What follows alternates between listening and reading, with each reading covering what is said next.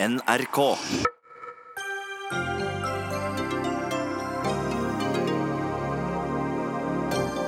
Hvis ingen slåss, velter kateter eller setter av brannalarmen, har det vært en god undervisningsøkt på Ulsrud videregående skole i Oslo. Snur læreren seg for å hjelpe en annen elev, suser det stoler gjennom lufta bak ham. Arbeidslinja, arbeidslinja, arbeidslinja, nå skal den også gjelde i offentlig sektor. Men er det ikke urettferdig at renholderen som dør ti år før advokaten, skal straffes økonomisk hvis hun går av ti år før ham? Og hvor ble det av armlengdes avstand-prinsippet da næringsministeren tvang styrelederen i Innovasjon Norge til å gå etter at han ville behandle direktørens ansettelse?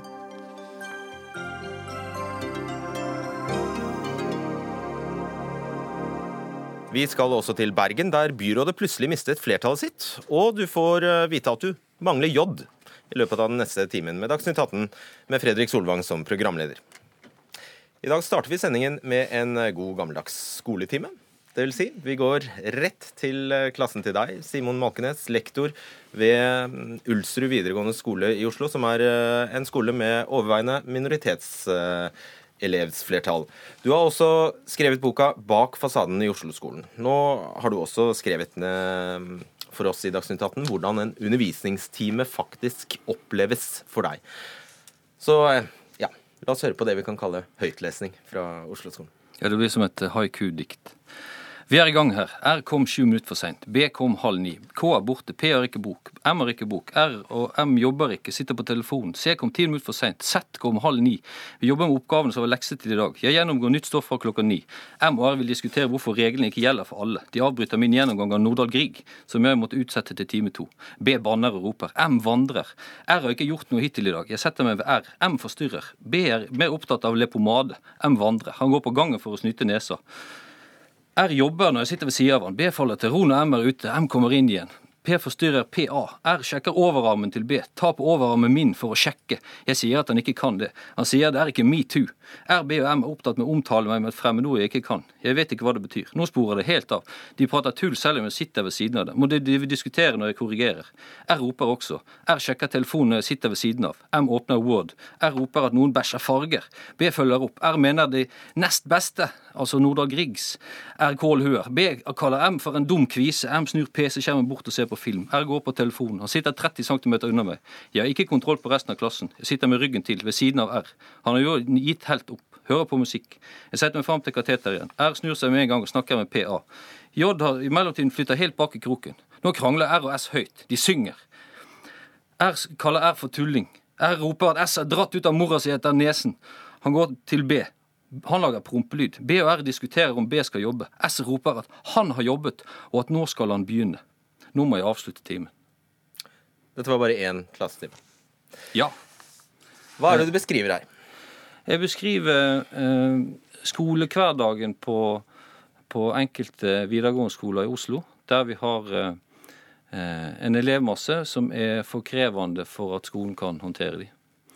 Eh, og jeg beskriver hvordan det å ha eh, elever som både svake faglige, eh, men òg å ha elever som bruker de strategiene som unger bruker for å kompensere eller for ikke bli avslørt, for ikke skulle vise at de ikke får til. Og Da blir unger urolige, de, blir, de vandrer, de blir opptatt av andre ting. De blir bråkete elever, eller det en kaller problemelever. Eh, som egentlig er, er atferd som jeg som pedagog forstår handler om eh, at en ikke mestrer det klasserommet som jeg, jeg er satt til å ha de i, fordi at eh, de har problematikk som eh, de trenger hjelp med for å få til å beherske en helt vanlig skoledag. Dette er gjerne elever som ikke i utgangspunktet eh, har fullført ungdomsskole. Hvordan kan det ha seg? Ja, de som jeg snakker om her, det må nyanseres. Der er, der er både, selvfølgelig alle kategorier elever. Det som er viktig å vite her, at en del av de skolene sånn som min, har òg elever som ikke har fullført uh, ungdomsskolen, og som kommer med bagasje inn i klasserom som ligger langt utenfor min kompetanse som, som lektor til å, å håndtere.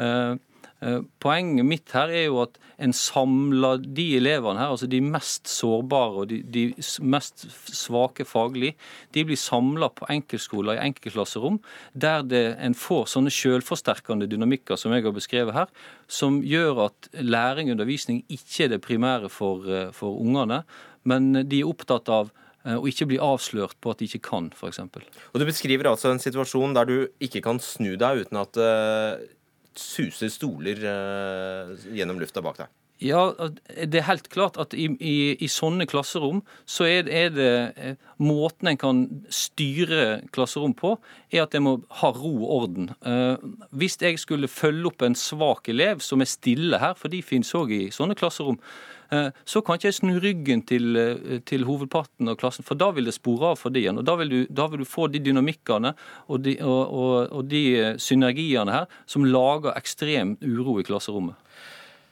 Hvilken bakgrunn har, har disse?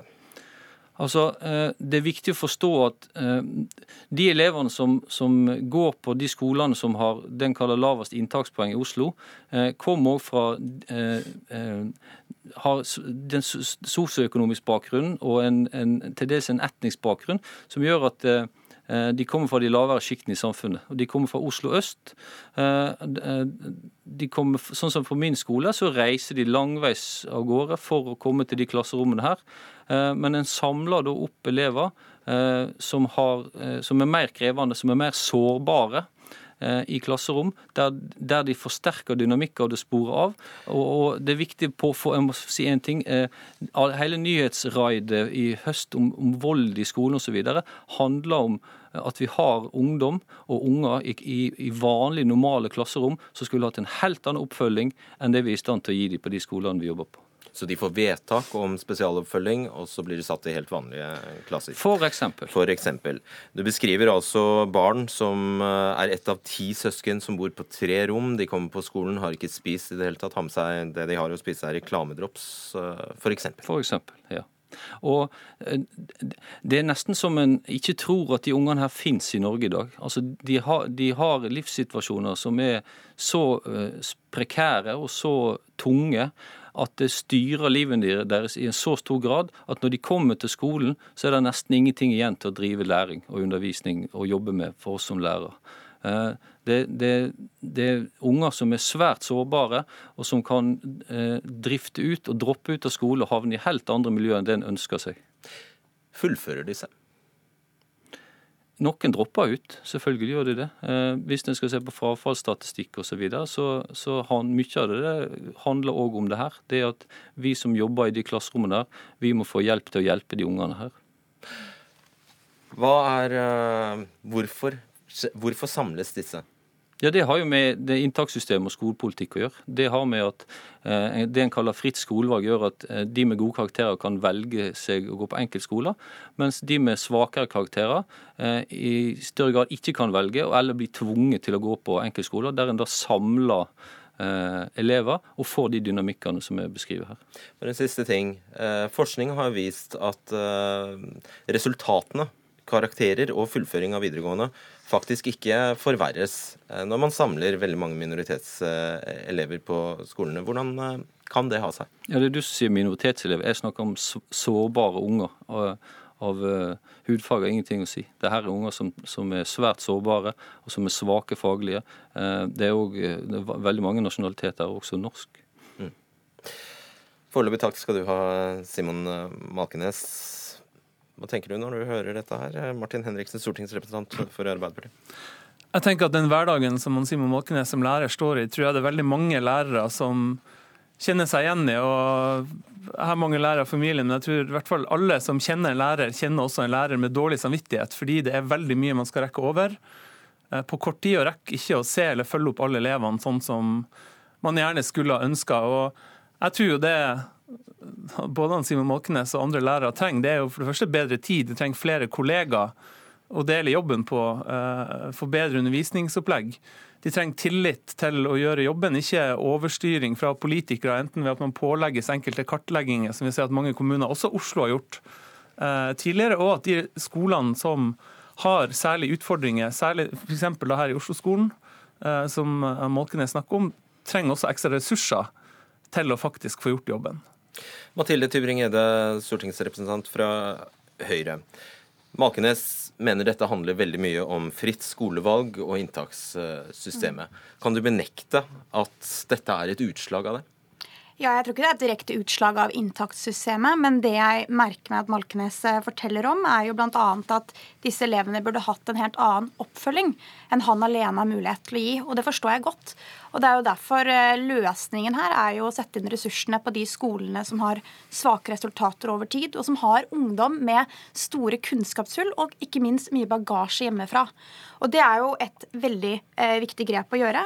Og så merker jeg meg en ting som Malkenes sa som er interessant, og det er jo at det er mange eh, av disse ungdommene som da ikke har fullført ungdomsskolen. De har så svake faglige bakgrunner fra før som gjør at skolen blir en arena for nederlag på nederlag, som gjør at man utagerer på andre områder. Og Det betyr jo at vi må starte tidligere at vi må eh, unngå at det oppstår sånne kunnskapshull underveis i opplæringssystemet. Og Det er jo nettopp derfor vi bl.a. Eh, setter inn flere begynnerspesialister tidlig. At vi sier at ingen elev skal oppleve å gå år etter år uten å kunne lese, skrive og regne og følge med. Eh, det er, det er helt avgjørende. Men så vil jeg faktisk gi Malkenes et poeng. Ingen inntakssystem er perfekt. Og eh, det er helt klart at eh, fritt skolevalg i Oslo også kan være en utfordring på noen skoler. Men jeg tror ikke alternativet tror jeg ikke er å låse folk fast til geografien de bor i. Det tror jeg også kan skape en ganske mye mer delt by. Hva mener dere i Arbeiderpartiet om fritt skolevalg? Ja, Nå er det jo opp til fylkene, bl.a. Oslo, å, avgjøre det. Jeg tror det kan være eh, utfordringer av fritt skolevalg i mange fylker, men det er andre utfordringer i Finnmark eller Troms enn det er i Oslo med fritt skolevalg. Tror, det, det, som er mye utfordringer i Oslo, eh, og som har skapt den utfordringa at vi har sett over tid at én av fire skoler, videregående skoler i Oslo har slitt med eh, søkertall, fått lavere motiverte elever. At kanskje også en opphoping av elever med faglige utfordringer. Det er jo at du har fritt skolevalg satt sammen med det finansieringssystemet som man har hatt fram til for veldig kort tid siden. nemlig at på alle skoler så får skolene det samme beløpet for hver elev, uansett om du har eh, høyt snitt på elevene, få faglige utfordringer, eller at du har mange elever med lavt snitt og faglige utfordringer. Og Det er jo den politikken som Høyrebyrådet eh, hadde her i Oslo i eh, veldig mange år. Det var først i 2017 det begynte å komme endringer på det. Og jeg tror det er helt riktig det som nå gjøres av det nye byrådet i Oslo, nemlig med å si at på skoler med særlige utfordringer så gir vi ekstra ressurser, flere lærere. Man kan se på eh, også eh, eh andre tiltak for å få økt søkinga for å få de skolene til å framstå mer attraktivt. Enten det er nye okay. skolebygg eller kollektivknutepunkt eller andre ting. For man må faktisk forskjellsbehandle ut ifra hvilke utfordringer man har på skolene. Behandler du alle likt, så får noen elever et dårligere tilbud. Og det er heldigvis slutt på den politikken nå. Kjapt. Ja, altså Det er jo ikke helt riktig det Henriksen forteller om. fordi mm. Før så ga man jo flere ressurser til de skolene som slet. Flere ressurser til de skolene som hadde mange elever med svake grunnleggende ferdigheter fra ungdomsskolen. Så slik positiv forskjellsbehandling har man alltid gjort, og det mener jeg er riktig. Det viktigste vi gjør i Oslo-skolen for å sikre at vi utjevner sosiale forskjeller og unngår at dette skjer, det er å starte tidlig, og det er å sikre at absolutt alle elevene lærer å lese, skrive og regne. For altså, I 2001 er det lenge siden, men jeg må bare nevne det, så lå 40 av Oslos elever under kritisk grense i lesing. Det er noe av det farligste som skal være til hvis man skal klare å sikre at alle kan delta i samfunnet senere i livet. Det har man klart å unngå. og Oslo-skolen er fortsatt den skolen i Norge som faktisk klarer å utjevne sosiale forskjeller, og det er viktig. Malkenes, er dette tapt ungdom? Nei. Det er ikke det. Ikke... Hva skjer med dem? Ja, altså, eh, vi jobber jo De lærerne som, som, og de rektorene som jobber på de skolene her, jobber 200% for å gjøre så godt vi kan for å hjelpe. Men til og med vi klarer ikke i så stor grad som vi ser er nødvendig, eh, å hjelpe og lære å få ungene her igjennom skolesystemet. Eh, og Det er jo det som er mitt poeng her, da. Det er jo at en, en må Det ene er at en må redistribuere eller omfordele ungene sånn at en har like mange svake og sterke på flere skoler. Eh, og det andre er at vi lærere og vi som jobber på skolene må kunne melde behov og få hjelp oppover i skolesystemet. For det, det er helt vesentlig, altså Kjernen i det her er opplæringsloven sier at det ikke er lov å dele inn klasser etter nivå, etter etnisitet og etter kjønn. Men når du har et inntakssystem som er rent karakterbasert, så får du inndeling etter de kriteriene på skolenivå. Og Det gjør at du får klasser som har inndeling etter etnisitet, eh, etter kjønn og etter faglig nivå. Var du klar over det, Martin Henriksen? Vi har altså rene gutteklasse Mm. med nesten bare minoritetsspråklige elever. Mm. Var du klar over det? Ja, Det syns jeg også er bekymringsverdig. Jo, Vi har sett også at det er veldig sosialt delt.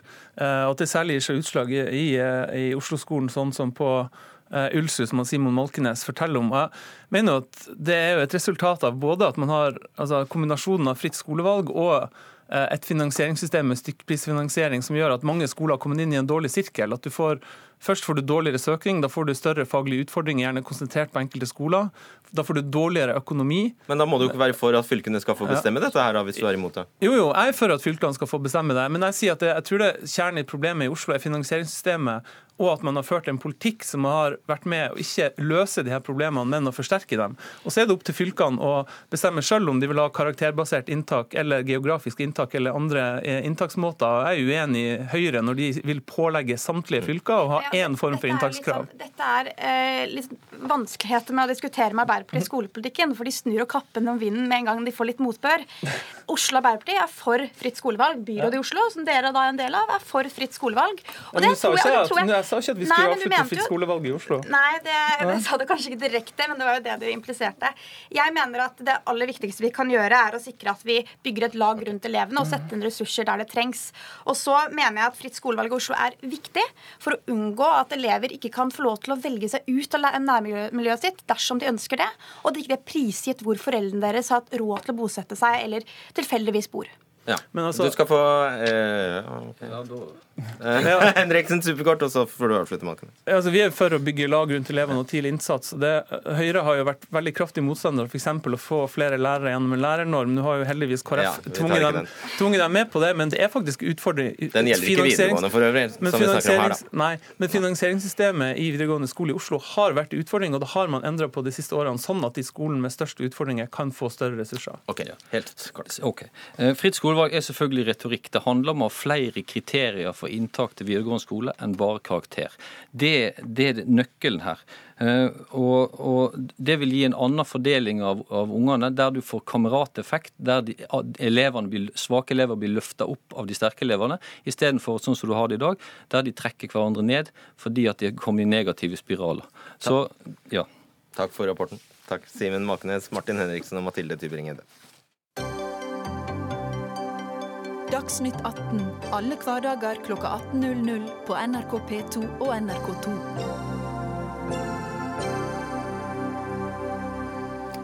En gang var avtalen omtrent som dette. I stat og kommune får man en trygg jobb med relativt eh, dårlig lønn, men med sikkerhet for at man kan gå av med to tredeler av lønna i pensjon når man blir 67.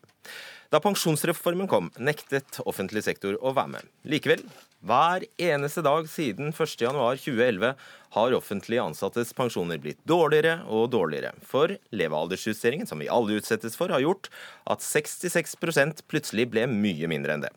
Lørdag ga hovedsammenslutningene etter, og ny tjenestepensjonsordning er nå fremforhandlet for 800, ansatte, 800 000 ansatte i stat og kommuner. Dette er vanskelige saker. Alexandra Plate, pensjonsekspert i Gabler, Stenberg og Plate. Bare ta dette med levealdersjusteringen eh, først. Eh, Det er vel den som har gjort at fagforeningene nå til slutt har innsett at noe måtte gjøres.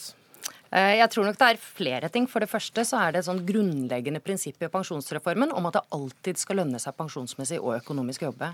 Og sånn som offentlig tjenestepensjon er nå, så er det slett ikke alltid tilfellet. For det første kan du faktisk straffes pensjonsmessig hvis du jobber for lenge. Og i tillegg så er reglene slik at du får ikke uttelling for alle år i arbeid. Eksempelvis da, hvis vi to begge to står i stilling, du begynner når du er 20 år, og jeg begynner når jeg er 37, så jobber vi helt til 67 år av samme sluttlønn. Da får vi akkurat den samme pensjonen, selv om du har hatt 17 år lenger, og du får ikke tøddel uttelling for dine første 17 år. Hvem er det som tar de pengene, da? Nei, Det er bare prinsippet sånn som offentlig tjenestepensjon er i dag. Noen har jo lagd de reglene. ja, men det, så det, men det er det ene. Det andre i forhold til det du sier med 66 av eh, sluttlønn, så er det for det første så er det viktig å huske på hovedandelen kommer faktisk, for de aller fleste kommer hovedandelen fra folketrygden. Så dette er et tillegg i tillegg til folketrygden. Og så er det viktig at 66% hvis du har full opptjening. Det prinsippet gjelder i utgangspunktet fortsatt. Du har en garanti om 66% men ikke ved 67 år. Nettopp fordi man har sagt at når levealderen Da er det jo ingen garanti. Hvis den garantien inntreffer når jeg er 90, så hjelper, det ja, hvis, du født, hvis, du tar deg, sett da, hvis du er født i 1988, så ville du med gammelt regime Da hadde du med full opptjening 66% ved 67 år. Nå er det garantinivået omtrent 50% ved 67. Nettopp. Skal du opp på 66, her må du faktisk jobbe til drøye 72 år. Ja, der har du Så hva i korthet og enkelhet går den nye løsningen ut på? Ja, den speiler jo hovedprinsippene i pensjonsreformen ved at det alltid skal lønne seg pensjonsmessig og økonomisk å jobbe. Hovedendringene har man allerede tatt inn, altså dette med levealdersjusteringen og ny regulering. Det har man allerede tatt inn. Det man tar inn nå, det er fleksibiliteten. Jeg skal kunne ta ut pensjonen fleksibelt og ikke få avkortning i forhold til annen inntekt.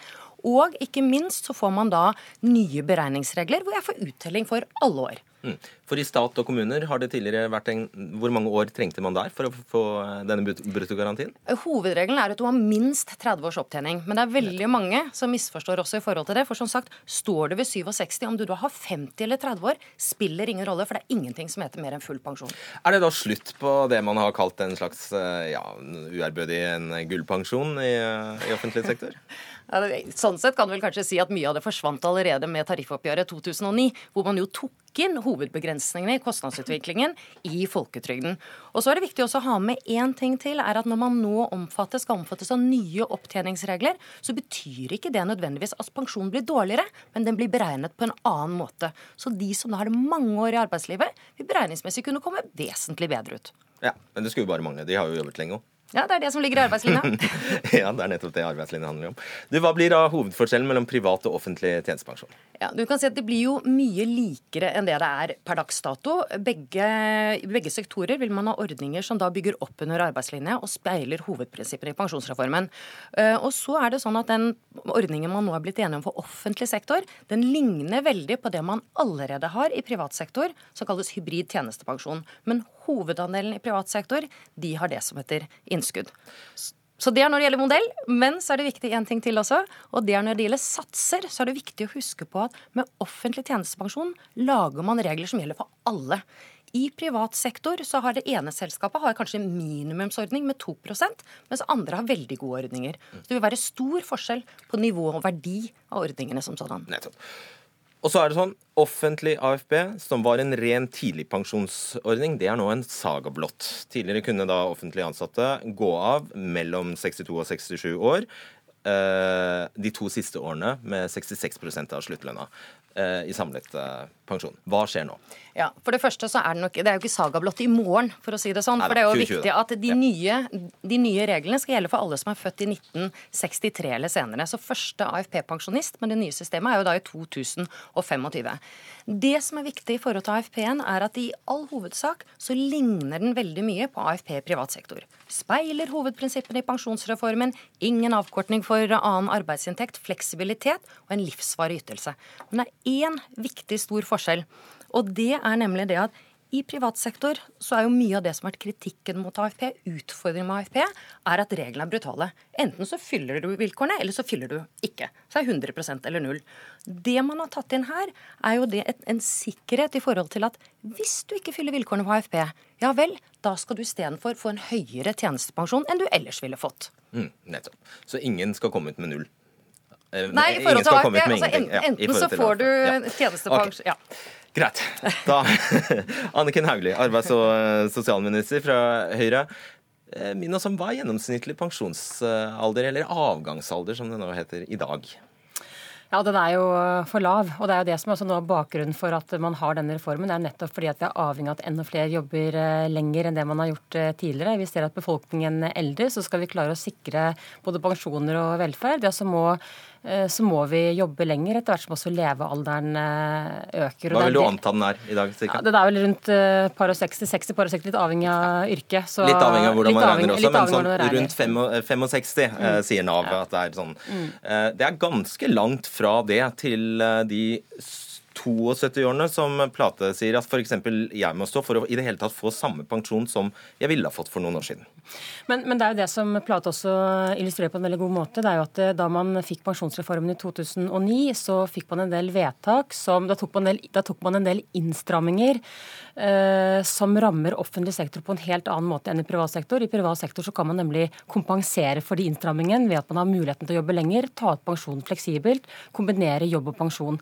Det kan man ikke i offentlig sektor. Det betyr at i offentlig sektor så må man i dag jobbe lenger enn sine kollegaer for å kunne få samme pensjon. Det vi nå har klart å få til sammen med partene. Og da må jeg si, når du sier at organisasjonen har gitt seg. Altså, eh, altså, det var ikke noe sånn, eh, det var ikke noe walk in the park den helga, må jeg bare fortelle deg. Det, det, det, var hardt arbeid. Men det, det var ikke nå, de som banket på din dør, nødvendigvis? Nei, men Det som vi nå har klart å få til, er at vi både har gjort at, vi, at det vil lønne seg å jobbe lenger, du får uttelling for å jobbe lenger, samtidig som vi også klarer å sikre de som selvfølgelig eh, ikke klarer å stå løpet ut. og Fortsatt kan du gå når du er 62, men det er klart at når vi sier at det skal lønne seg å jobbe lenger, ja, så vil du få en bedre uttelling for hvert år du også klarer å stå og jobbe lenger. Vi har bygd en viktig barriere mellom privat og offentlig sektor. Og så har vi også nå klart å fjerne det man før kalte nullpensjonister, nemlig den gruppa som betalte inn tjenestepensjon, men som aldri fikk noe ut av den. Det har vi også klart å ordne opp i nå. Peggy Hesen Følsvik, først eh, nestleder i LO og forhandlingsleder. Hva har dere fått gjennomslag for? Hva er det aller viktigste? Jeg mener vi har fått gjennomslag for en god ordning som først og fremst sikrer pensjonsnivået til de aller fleste i offentlig sektor på en helt annen måte enn det hadde gjort hvis vi skulle fortsatt med gammel ordning. For da er det som eh, Plate sier, at skulle man fortsette med den gamle ordninga nå, så kommer levealdersjusteringa og biter så hardt at man etter hvert hadde sittet igjen med mye mindre pensjon enn det vi mener en, eh, vi burde ha. Vi skal høre hva du sa til Dagsrevyen på lørdag, da rett etter at eh, forhandlingene var eh, over. Du har altså gått med på at alle som er yngre enn 48 mister alt av overgangsordninger, om å ta til takke med en ganske lav AFP. Vi skulle gjerne ha strekt den lenger, vi skulle gjerne også hatt et høyere tillegg. Men her er vi nå kommet så langt som jeg tror det var mulig å strekke eh, tålegrensa til eh, regjeringa. Er det Anniken Hauglie som skal bestemme hvilken eh, Er det Anniken Hauglies tålegrense som skal bestemme hvilken pensjon LOs medlemmer skal ha? Ja, Det kommer litt an eh, på hvordan du ser det. Pensjon er jo en del av eh, tariffavtalene i store deler av eh, offentlig sektor. Så det er klart at når vi kommer fram til et resultat her som vi mener vi kan anbefale, så er det jo til syvende og sist de dette gjelder i offentlig sektor som skal si meninga si om akkurat. Ja, i uravstemning. Så hvorfor skulle de stemme ja til et forslag som du sier, du, du sier er innrettet etter Anniken Hauglie? Jo, fordi at jeg mener vi Nå tror jeg Anniken var nok ikke helt enig den natta om hva som, eh, hva som eh, var det, eh, det vi helst ville ha på plass. Men når vi allikevel til slutt kom til en enighet, så mener jeg vi har fått en avtale som er så god for våre medlemmer at vi kan anbefale den. Og så er det, som jeg også sa her, eh, deler av den avtalen som jeg gjerne skulle ha sett eh, bedre. Bl.a. dette tillegget for de som må gå av når de er 62 år. Det syns vi ble for lite. Det syns vi gjerne vi skulle ha strekt lenger enn til 1970-årgangen. Men det var altså ikke mulig å få Anniken til å gå med på denne gangen. Ja, de skal få, bare for å, hva er det, de skal få 0,15 av 1G? Ja. Det er lite. Det, det er ja. ikke mye. Nei, det er ikke mye. 1G er ca. 100 000, da, så 15 000. Ja, ja. i året. Det, ja, nettopp. Magnus Marsdal, leder i Tankesmien eh, Nei, ja, jo. Mm, manifest Tankesmien. Eh, du er opptatt av rettferdighet, og du mener hele systemet her er urettferdig. Ja, i hvert fall så vil jeg se for meg at de LO-medlemmene som kjempa fram AFP og ofra lønnsvekst for å få på plass en ordning for dem som må gå av tidlig nå, er litt forbausa over at den ytelsen skal gå også til akademikeren som kan sitte i stillinga til en er 70 år. At folk kan få 120% av lønn i gullpensjon på toppen av systemet her. Mens eh, hjelpepleierne, assistentene, ja, renholderne, andre med mye lavere levealder, eh, tyngre yrkesbelastning, eh, kan komme ned på en pensjon på 45% av lønn, kanskje, ved en avgang på 62 år. Og da er vi nede på den typen nivå som LO-kongressen i fjor kalte dekningsnivå som ikke kan forsvares i et solidarisk samfunn. Og her tror jeg vi skal stoppe opp og spørre oss om det er et solidarisk samfunn vi bygger med den pensjonsordninga som nå også anbefales eh, for 800 eh, 000 ansatte i offentlig sektor. Fordi alt vi snakker om nå, om å belønne for å stå lenger i arbeid, og straffe dermed da for tidlig avgang, det ser litt annerledes ut når man husker på ulikheten i levealder. Tannlegen lever ni år i gjennomsnitt lenger enn truckføreren f.eks. Vi har store og til dels økende forskjeller mellom eh, yrkesgruppenes levealder. Og det er også sånn at Mange arbeidsfolk begynner å jobbe mye tidligere. Jobber fra du er 20 år, kanskje 22 år. Jobber i 40 år fram til 62. Men det straffes knallhardt sammenlignet med akademikeren som begynte på 27. Fordi det er nettopp de her årene fra 62, 34 opp til 70 som belønnes. Så der er det ikke engang øye for øye, tann for tann. Der er det en, i realiteten en diskriminering. Og det... Trekk pusten. Nå, er, nå er det dessverre sånn at Magnus Marsdal blander sammen AFP, tjenestepensjon. Eh, han blander sammen sammenligninger i forhold til eh, den gamle modellen i forhold til de som skal gå av med ny modell. Så det blir helt umulig å liksom svare opp punkt for punkt her. Men jeg tror at det som er viktig for oss å snakke om framover, det er helheten i dette systemet. Vi har ivaretatt det, det som er viktig for våre medlemmer. Vi har ivaretatt ivaretatt både lavtlønnsgruppene, vi har ivaretatt deltidsansatte, vi har ivaretatt de som eh, ligger på midlere eh, lønninger, på gjennomsnittslønninger, på den, på den kanskje gjennomsnittlige ansatte i offentlig sektor. Og så er det helt klart at de som lever lenger og, og kan stå lenger i jobb, tjener mest på systemet. Det er det levealdersjusteringa som, som ja, Men det er urettferdig. Det er urettferdig for de som systematisk dør ti år tidligere. Det her er jo helt feil. Det er jo AFP som går til en 70-åringen altså Før så var AFP en tidligpensjon for men, folk som måtte gå av. Men det er lenge siden, Magnus Marstad. Nå, nå, nå, snakker vi om offentlig sektors eh, pensjonssystem, som du anbefaler å endre. Og der gjøres AFP om med ditt eh, forslag. Fra en sånn tidlig pensjon for den som trenger det, til en tilleggspensjon som også går til dem som ikke trenger det. Og da måker vi millioner etter mennesker som ikke trenger AFP, som kan få oppi 120 av lønn i pensjon. Det tror jeg er unødvendig, og at vi heller burde bruke noen av de pengene som i dag går til dem som ikke trenger AFP, på dem som trenger det. Det vil si folk som går av tidligere, og som ofte har mye lavere levealder. Svar kjempekort på det, og så skal du få slippe. Fordi det var et poeng for oss å ha et pensjonssystem som, der du kan gå over mellom privat og offentlig sektor. Og den tanken som Magnus Marsdal eh, presenterer her, den modellen for AFP, den gikk vi bort ifra allerede i 2011. Så vi må bestemme oss hvilken, hvilke ordninger vi skal ha her. Hvorfor skal offentlig ansatte ha bedre AFP enn private ansatte? Nei, nå, er, eh, nå er AFP-en eh, identisk. altså Nå får man en helt lik pensjon, og det gjør nettopp at man kan switche mellom sektorene. Men, men det er jo så, jeg må jo si, det hører på Marshall, altså det, det er veldig merkelig å høre på.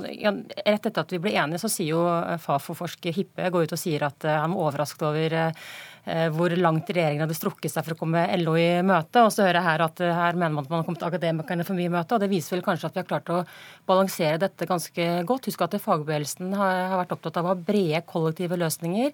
De organisasjonene som jeg forhandlet med natt til lørdag, representerer et stort mangfold av yrkesgrupper som har veldig ulike interesser. Og jeg mener vi har klart å finne et, en, en, god, eh, altså en god helhet ut av det, hvor vi både sørger for at ja, jobber du lenge, så får du eh, mer for hvert år du klarer å stå i jobb.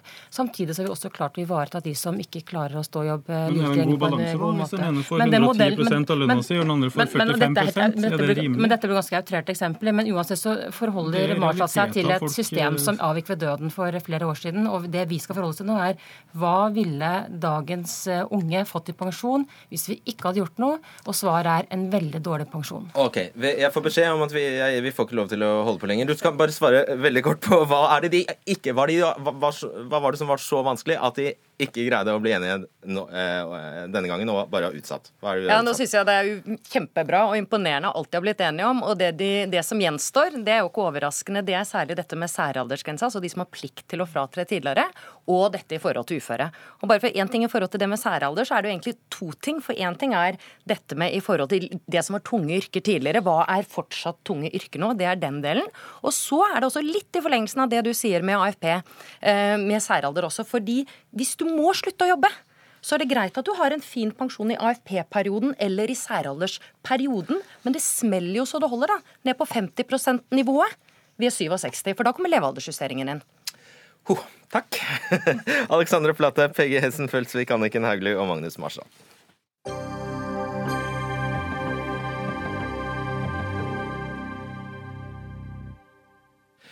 I Norges nest største by, Bergen, har varaordføreren meldt seg ut av partiet hun inntil i morges representerte. Marita Moltu forlater Kristelig Folkeparti i protest, men blir fortsatt å finne i rådhuset som uavhengig heltidspolitiker og varaordfører. Marita Moltu, hvorfor forlater du KrF? Ja, jeg forlater KrF, eh, og det er ikke en enkel beslutning som jeg har tatt. Det er etter en lang og grundig prosess som, eh, som jeg har eh, vært gjennom over tid. Og den eh, begrunnelsen min den handler om eh, manglende tillit til partiet. Og eh, i hovedsak så går det på partikulturen, og det går på politiske veivalg. Ok, ta det første først. Manglende tillit til partiet og dårlig partikultur. Hva legger du i det?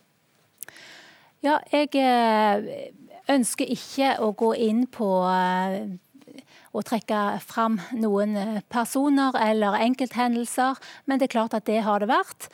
Eh, som har gjort at eh, her har det vært blitt vanskelig. Ja, Men ingen av oss skjønner hva det betyr, hvis du ikke er mer spesifikk. Dårlig partikultur, hva innebærer det?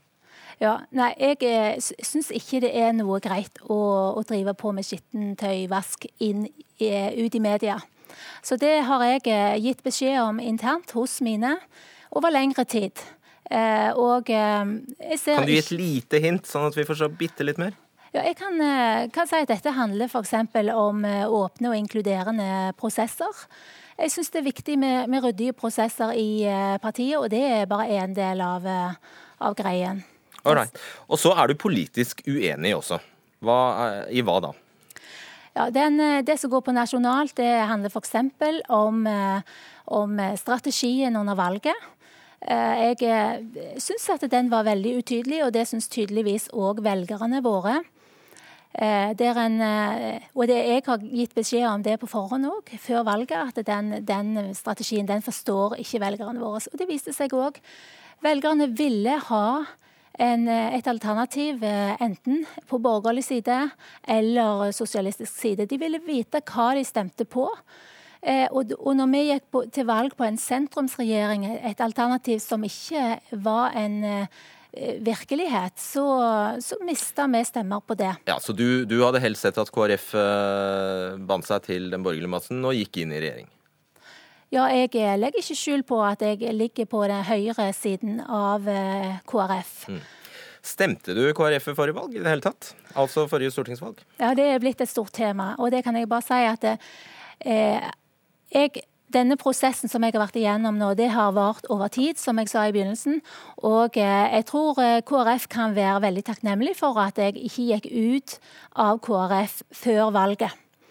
Fordi at uh, dette valget med den strategien, det ble da ikke et partivalg for meg. Det ble derimot et personvalg. Og jeg stemte på den personen som jeg hadde tillit til. Og eh, jeg tror da de, eh, de, fleste forstår at det er en jeg kjenner veldig godt, og eh, som jeg har veldig tro på. Det er Thomas Moltu. I Mannen din. PDK, ja. Som altså tilhører partiet De kristne, også han utbryter fra Kristelig Folkeparti. Syns du ikke velgerne dine fortjener at du stemmer på partiet som, har faktisk, som de har stemt på? Altså, du jo, de har stemt på et parti.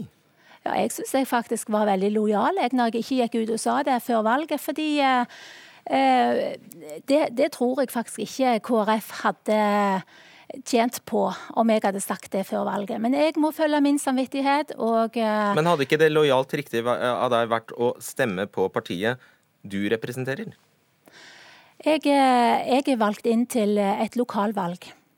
Og eh, jeg, jeg må si det at et, et stortingsvalg er et, en litt annen greie for meg. Og jeg ser jo det at våre velgere de har òg skjønt dette, at et sentrumsalternativ det var ikke tingen, eller strategien og, og veien å gå. Skal du melde deg inn i partiet ditt, Kristin? nå? Jeg er uavhengig eh, representant i Bergen bystyre fram til valget. Og eh, jeg vil bruke tiden nå fram på fram til ja, videre for oss å finne ut hva jeg skal gjøre etter neste valg.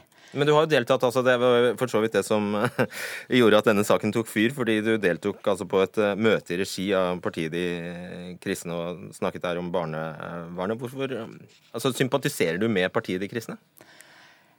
dette handler om at jeg var gjest på et seminar, og jeg skulle holde et innlegg på en time eh, i et annet parti. Og tilfeldigvis så var det mannen min som var medlem i det partiet. Men jeg kan si, og jeg har sagt òg, at jeg kan holdt det innlegget veldig gjerne i hvilket som helst annet parti. Så det er bare å invitere meg. Ok. Eh, takk skal du ha, Marita Moltu. Vi skal legge til at vi har vært i kontakt med både Bergen KrF, Hordaland KrF og KrF sentralt, men ingen ønsket å stille opp i kveldens sending. Partileder Knut Arild Hareide skriver i en e-post til NRK at han syns det er leit at du, Marita Moltu, melder deg ut av partiet, men at han respekterer beslutningen du har tatt.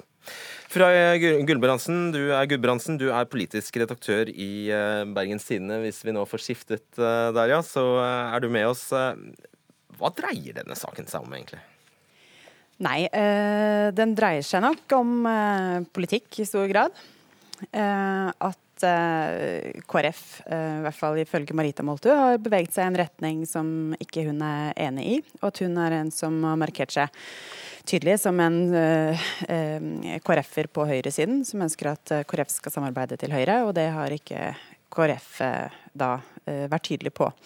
Og så handler det nok om en del eh, andre ting. Dette er jo som jeg sier, en prosess som har pågått over lang tid, og akkurat uh, alle detaljer det, det, er litt vanskelig å ha mm. innsikt i inn i hennes syke, sånn sett. Mm. ja, det er alltid vanskelig å sette ja. seg inn i andre syke. Men uh, når hun mumler litt i skjegget her om partikultur og sånt, nå skjønner du hva hun mener? Nei, jeg gjør ikke det. Uh, så det, det, det, skulle jeg ønske hun kunne beskrive litt mer i detalj, fordi det er ikke så lett å forstå, nei. nei. Men disse politiske sakene hun er uenig med KrF hvilke er det? Nei, altså Lokalt så har det jo vært uh, altså Den saken som har fått størst oppmerksomhet, er jo barnevern. Det, der hun ønsket uh, I fjor ønsket hun da en granskning av barnevernet. som byrådet var uenig i. Eh, men hun sikret da at eh, opposisjonen fikk flertall for den granskningen, så nå skal den gjennomføres. Så Det var jo den saken der det ble tydeligst her i Bergen at det var uenighet mellom eh, Moltu og byrådet. Mm. Hvem er dette verst for, egentlig? Byrådet i Bergen eller Bergen KrF? Eh, KrF, definitivt. Byrådet har jo egentlig fordi de har jo sett sin siden valget at de hadde et veldig, veldig lite flertall. Bare minn oss om den uortodokse konstellasjonen der som styrer Bergen? Nei, Det er Arbeiderpartiet og Venstre og KrF. Mm. Um, så KrF, Det er ikke så veldig uortodoks at KrF sitter i byrådet i Bergen. De har jo hatt makten i Bergen i ja, vet ikke hvor mange år, det er 28 år eller et eller annet. Uh, veldig lenge. Så de er på en måte alltid ved makten her. Men um, Nei, så det, De har jo bare hatt flertall med altså én stemmes overvekt. Um, så det, De har jo selvfølgelig vært klar over det at det skulle ikke så mye til um, før de mista det flertallet. Så de har jo sikra seg brede flertall i de aller fleste saker. Og også i budsjettet så har de også med eh, Senterpartiet på laget. Så det får ikke noen sånn dramatiske konsekvenser på kort sikt. Men det er klart at uh, opposisjonen vil jo utnytte denne situasjonen og sikkert spille opp til litt mer konflikt. og Byrådet kan nok gå på litt flere nederlag fremover enn det de har gjort hittil. Da. Så det blir jo mer makt til de partiene som ikke er i byråd. Og veldig kort til slutt. Er dette noe Hareide bør eh, bekymre seg over, denne overgangen? Ja, øh, det mener jeg. Altså, nå har jo Moltu gitt eh, de tapte velgerne et ansikt. Og hun er jo da en, en, av de mange velgerne som ønska seg et tydeligere, at KrF skulle være tydeligere og samarbeide til Høyre. Eh, så hun representerer jo sånn sett eh, mange. Eh, og så hun, det at hun melder seg ut, det er jo en illustrasjon egentlig da på den krisen som KrF står i. Mm. Takk, Frøy Gudbrandsen.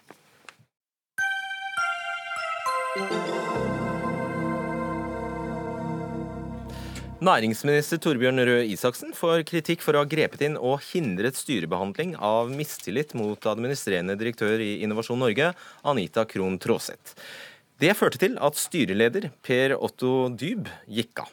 Ifølge Aftenposten er det sterk uenighet om Krohn Traasets lederstil i selskapet, som eies av staten og fylkeskommunene. Harald Stanghell, redaktør i Aftenposten, du skriver i avisen din i dag det er høyst oppsiktsvekkende at en Høyre-statsråd vil detaljstyre statlig styrearbeid. Hvorfor det?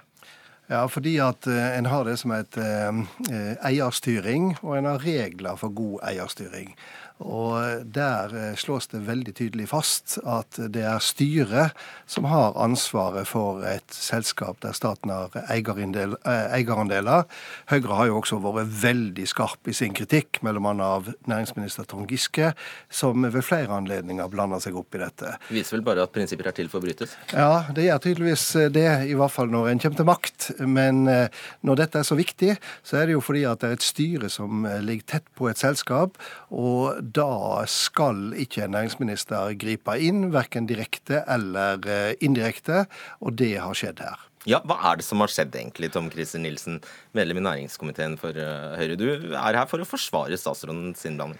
Jeg er i hvert fall her for å forsøke å få et realistisk bilde av hva som har skjedd. fordi Når du leser dagens kommentar fra Stanghelle, så, så er det nok litt eh, litt vanskelig å få et, eh, et tydelig bilde av, eh, av eh, hva, hva, realiteten er. Og Nå er det selvfølgelig vanskelig for meg å gå i detaljer. og Statsråden i Buenos Aires, så jeg får, får gjøre dette beste. Har du ikke snakket med han? Nei, jeg har ikke snakket direkte med han som sitter i Buenos Aires akkurat nå. Det har jeg ikke gjort. Nei, Slik jeg oppfatter dette, så er, er dette en normal dialog mellom en eier og, et, og en styreleder. Og ikke en instruksjon av, av selskapet. Det skjønte jeg ikke. Nei, det, det, jeg sier er at normalt har eiere, har eiere dialog med, eh, med, sine styrer og sin styreleder. Jeg opplever ikke at man her har instruert styrelederen til å, til å gjøre eller ikke gjøre noe. Hvorfor går han på dagen, da? Nei, Det må nesten han svare på. Din tolkning? Min tolkning er at uh, som jeg sier, det må nesten han svare på. fordi jeg, uh, Det var ikke jeg, din tolkning. Jeg, jeg, jeg, tror ikke jeg skal spekulere i andres bakgrunn for, for å, å, gå. Nei, da får jeg spørre deg om det, da. Sangen. Ja, altså Det er jo helt logisk at Per Otto Dyb, som var, Dyb, som var styreleder, går av fordi at det er ingen styreleder som er profesjonell og som har respekt for seg sjøl, så kan godta å bli overkjørt av en næringsminister eh, når det er eh, styrelederen som har ansvaret. Og Det er akkurat det som har skjedd, og det er det som styrelederen eh, i Innovasjon Norge har oppfatta. Derfor varsla han i går at han gikk av. Eh, hvis det medfører riktighet, eh, Nilsen, så er det vel eh, Da bryter man et ganske viktig prinsipp for eierstyring. Det kan du vel være enig i? Ja, jeg aksepterer ikke den, eh, den, fremstillingen av virkeligheten. Jeg vil ikke spekulere i om, eh, om hva slags begrunnelse man har lagt til grunn for seg selv. Du aksepterer ikke, men du har jo ikke noe alternativ? Mitt alternativ er jo at det her har vært en vanlig dialog mellom eier og, og styreleder, og han har valgt å, å, avslutte. Men samtidig så, så, tror jeg at når man ser på realiteten i saken, eh, og det hvis, hvis en styreleder spør om et råd i forhold til en prosess, så er det jo naturlig at han får det òg. Eh, det er ikke en instruksjon. Og Det har statsråden òg understreket i dagens replikk til, eh, til, til Stanghelle, at det er ikke gitt noen instruksjon til styreleder om, om, å gjøre det på den ene eller andre måte. Tvert imot så er det understreket at man ikke har instruert. Eh, og så har han bedt om et råd i forhold til om, eh, om, eh, om det er lurt å gjennomføre prosess med, med, daglig, med administrerende direktør rett før skal, man skal skifte styreleder. og Da syns jeg faktisk det er gitt et godt råd om at det kanskje ikke var så lurt. Når, eh, når eh, Nilsen eh, ikke har snakka med næringsministeren, og når han henviser til at næringsministeren sitter i Buenos Aires og forhåpentligvis har en interessant dag der, så er det i hvert fall én ting som er et faktum, og det er at styrelederen i Innovasjon Norge trapp trakk seg med øyeblikkelig virkning. Og det er også et eh, faktum at han eh, regner seg som overkjørt av eh, statsråden. Og dette hadde jo ei forhistorie, fordi at allerede i november så ble Næringsdepartementet orientert om at styret eh, hadde en prosess gående som gjaldt administrerende direktør. Monica Mæland, som var næringsminister eh, før Røe Isaksen, ble orientert 12.1. Eh, tok det til etterretning og tydeligvis sa at dette er styrets ansvar, og ansvar alene. Så ble det skifte av næringsminister. Da blir denne prosessen eh, stoppa. Det er det enkle faktum. Om prosessen var god eller dårlig, riktig eller gal, eh, det vet ikke jeg. Men det som jeg har vært opptatt av, er at her er det ikke snakk om en armlengdes avstand mellom næringsminister og styre. Det er snakk om en næringsminister som er veldig aktiv overfor et styre på kanskje det viktigste styre, et styre skal ta stilling til, nemlig administrerende direktør, altså selskapets øverste øverste leder. Bestrider du i det hele tatt, eh, Nilsen, at uh, foranledningen her var uh, et, en forestående behandling av ansettelsesforholdet til Tråseth, som dermed ble satt en stopper for ved at styreleder går på dagen? Det, jeg bestrider jo ikke at, der, at styreleder har som styreleder gitt uttrykk for at der, der var en prosess på gang. Eh, det som jeg eh, nok har en Da kan vel du legge sammen to og to som alle de andre? Jo, men av og til så skal man, eh, skal man se på regnestykket og skal man tenke seg litt om. Fordi det er lett å legge sammen to og to og få et feil resultat når man ikke vet innholdet i, i ligningen. Og Det som er i hvert fall er sagt fra, fra, næringsministeren i dag, og som han har replisert til, det er at det er ikke gitt noen sånn instruksjon. Det har vært en dialog, og man har fått et råd. Men har det noe å si hvis han har blunket veldig kraftig? Så har det altså, altså Dyb har vel skjønt, skjønt dette, poenget? Dette er ikke den mørke middelalderen der en konge kan si 'somebody free me of this uh, priest'. Vi er ikke, vi er ikke der. Der er et system for, uh, for når man kan instruere Innovasjon Norge, og det er kun i, i eiermøtet. Det ja, nettopp Derfor er, han ikke så dum at han gjør det. det. Eiermøtet er ikke før i mai, og det, eventuelt, og det hadde man, ikke, man nok ikke gjort. Men det er et godt råd at når en styreleder like før en styreleder skal gå av, så er det kanskje ikke lurt å sette i gang en stor prosess med, med administrerende direktør. Nå, nå, var jo dette en prosess som var i gang eh, før allerede i november, men jeg syns nok eh, du trekker din statsråd svært langt, fordi at han skriver i tilsvaret til meg at um, som eier har vi derfor uttrykt at det er lite hensiktsmessig å behandle en prosess om ansettelsesforholdet til daglig leder. Det er i klartekst en instruksjon, og enhver styreleder i norsk næringsliv næringsliv veit hva det betyr. Det betyr nå stopper du den prosessen. Sånn er de enkle realitetene og maktforholdene i dette. Svar kort. Nei, jeg syns det er et godt råd å ikke gjøre den prosessen når man skal gå av som styreleder om kun noen få uker. Det er sånn, Men det er ikke gitt noen instruksjoner. Vi kaster oss over Torbjørn Røe Isaksen så snart han er hjemme fra Argentina, tror jeg. Takk skal dere ha, Harald Stanghelle og Tom Christer Nilsen. Hør Dagsnytt 18 når du vil. Radio NRK Radio.nrk.no.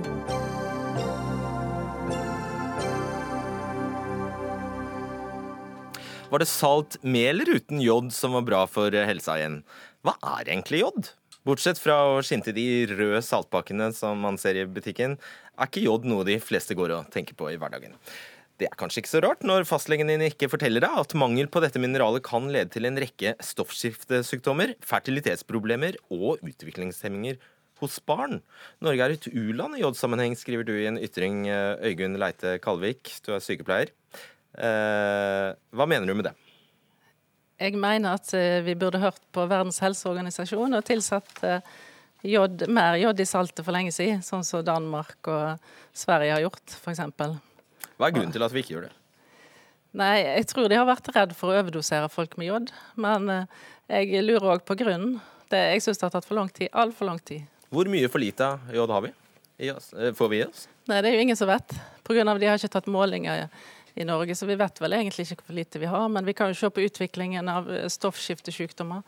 Jeg tenker jo at det gir noen signal når det har økt med 50% siden 2004.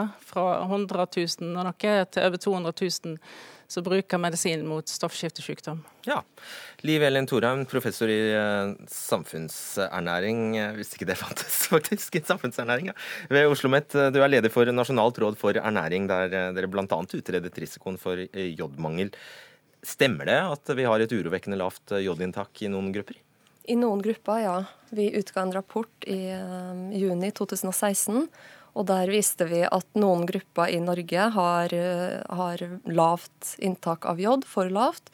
Og det som er spesielt urovekkende, det er at det er sårbare grupper som unge jenter og gravide og ammende kvinner som står mest i fare for å ha for lavt jodinntak. Hm. Hvordan forklarer man det? Uh, det forklarer man med at inntaket av melk har gått ned de siste 20-25 årene. Uh, og viktigste, viktigste, kilden til jod i det norske kostholdet, det er melk og meieriprodukt. Og fisk. Hvit fisk. Torsk og sånn. Mm. Og inntaket av de, og både melk og fisk har gått ned, og da får vi i oss mindre jod. Uh, og um, Kalvik her uh, nevner jo flere sykdommer som er forbundet med jodmangel. Hvilke vet vi helt sikkert har en sammenheng? Vi vet en del om, eh, om om konsekvenser av alvorlig jodmangel. Men konsekvenser av mild jodmangel, som vi har i Norge, det vet vi mindre om. Det som er økende dokumentasjon på, er at mild jodmangel kan gi økt risiko for nedsatt utvikling hos barn. Altså, vi har sett en litt økt risiko for neds, altså forsinka språkutvikling f.eks. hos barn. Nei, men det er ikke Jeg tror kanskje at eh, vi har ikke dokumentasjon for å uh, påstå de sammenhengene som, uh, som, hun kommer mm. med i kronikken, vil jeg si. OK. Jeg har forstått sånn at dere ga beskjed til Helsedirektoratet. Dette, dette må vi gjøre noe med. Og jeg har forstått, videre forstått det sånn at dere ikke er imponert over, over, responsen. Henriette Øyen, avdelingsdirektør for folkesykdommer ved Helsedirektoratet. Hva har dere gjort? For å bøte på det? ja, Vi har bedt Mattilsynet sende en bestilling til Vitenskapskomiteen for mattrygghet for å gjøre en, en nyttig risikovurdering av jodtilsetning til salt. Eh, så det er nedsatt arbeidsgruppe der som skal eh, jobbe med dette. Vi har også konkretisert meierirådene våre. Eh, I den forstand at før så sa vi 'velg magre meieriprodukter daglig'. Nå har vi konkretisert det å si 'velg tre porsjoner meieriprodukter daglig', og særlig knyttet til det å få nok jod, men også kalsium, da. I Sverige er det ti ganger så mye jod i saltet som hos oss. Hvorfor det? Nei, altså Når vi skal vurdere eller Matvitenskapskomiteen, så må de jo vite, ta utgangspunkt i hva nordmenn spiser. Så vi kan ikke umiddelbart bare overføre det, et tiltak som de gjør i Sverige, basert på det kostholdet de har der, eh, til norske matvarer. Så vi må se, at vi er jo også eh, Det er skadelig å få for lite, men det er også skadelig å få for mye jod. Ja. Eh, Kalvik, du nevner også visse tilfeller brystkreft, livmorhalskreft og hjertesykdom. Man kan jo bli vettaskremt av mindre, men som altså, kan være en konsekvens av jodmangel. hvilken forskning har du som underbygger det? Nei, Jeg stiller spørsmål fordi jeg leser utenlandske eh, er å publisert i utlandet. Men hvorfor er det ingen som forsker på det i Norge? Det er det jeg stiller spørsmål med.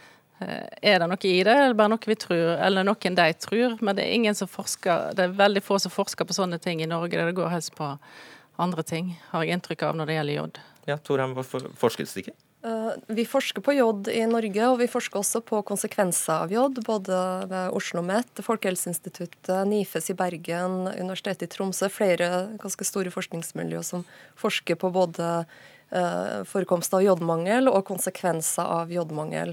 Men eh, forskning er jo internasjonal, så vi forholder oss jo også til forskning som blir gjort i andre land. Det må ikke, Særlig årsak-virkning-forskning trenger man ikke å gjøre i Norge nødvendigvis. Mm. Du, uh, Henriette Øyen, i uh, eh, 2016 kom det, kom det en uh, rapport som lød overskriften 'Jodmangel i Norge. Identifisering av et akutt behov for tiltak'. Og det du presenterer her, er altså arbeidsgrupper, og jeg vet ikke, det hørtes veldig langtekkelig ut. Ja, ja, jeg skjønner at det kan høres langtekkelig ut, men det er jo viktig at dette gjøres på en trygg måte. Ja, Men akutt behov, står det. Uh, ja. Uh, det, akutt behov er det uh, kanskje ikke. Det er klart for noen grupper som verken drikker melk eller spiser fisk, så er det åpenbart at de er i risiko for å få for lite jod dersom de ikke tar tilskudd. Men vi har jo omfattende kommunikasjons- og informasjonsarbeid gjennom ulike kanaler. Da. Alt fra Helse Norge til ulike sosiale medier og gjennom presse osv. Så, videre. så vi prøver jo å formidle dette rådet, og ikke minst gjennom våre faglige retningslinjer eh, som helsepersonell eh, skal eh, benytte i sitt arbeid. Kalvik, hva syns du om direktoratets innsats? Jeg syns legene vet altfor lite om hva de bør gjøre, og, og få tatt en jodmåling i urin. Jeg har prøvd å få flere til å gjøre dette. her. Jeg bruker jo selv vaksin og stoffskiftemedisin, så for meg blir det noe annet. Jeg, der er det litt jod i medisinen. Eh, men det er fryktelig vanskelig å få tatt en prøve, så det bør jo gå ut noen råd. Hva gjør vi i mellomtida før de får nok jod, disse her eh, som blir gravide og kan få utviklingshemma unger. Det, det, er jo ikke greit. Jeg syns ikke det er litt greit. Det høres ikke greit ut. Jens, svar veldig kort. Ja, det er en dårlig måte å stille jodmangeldiagnose på, å ta en sånn liten urinprøve. Men det helsepersonell kan gjøre, det er å spørre uh, de gravide og andre som de møter, eh, om de spiser eh, fisk, og om de drikker melk og bruker melkeprodukter i kostholdet. Det er en god start for å avdekke risiko for jodmangel. Jeg skulle så gjerne ha sluppet deg til, men da, vi, vi har ikke mer tid. Beklager. Takk skal dere ha, Henriette Øyen, Øygunn Leite Kalvik og Liv Elin eh, Thorheim, for at dere deltok i Dagsnytt 18, som er over for i dag. Ida Tune Øresland, Erik Sandbråten og Fredrik Solvang, takk for følget.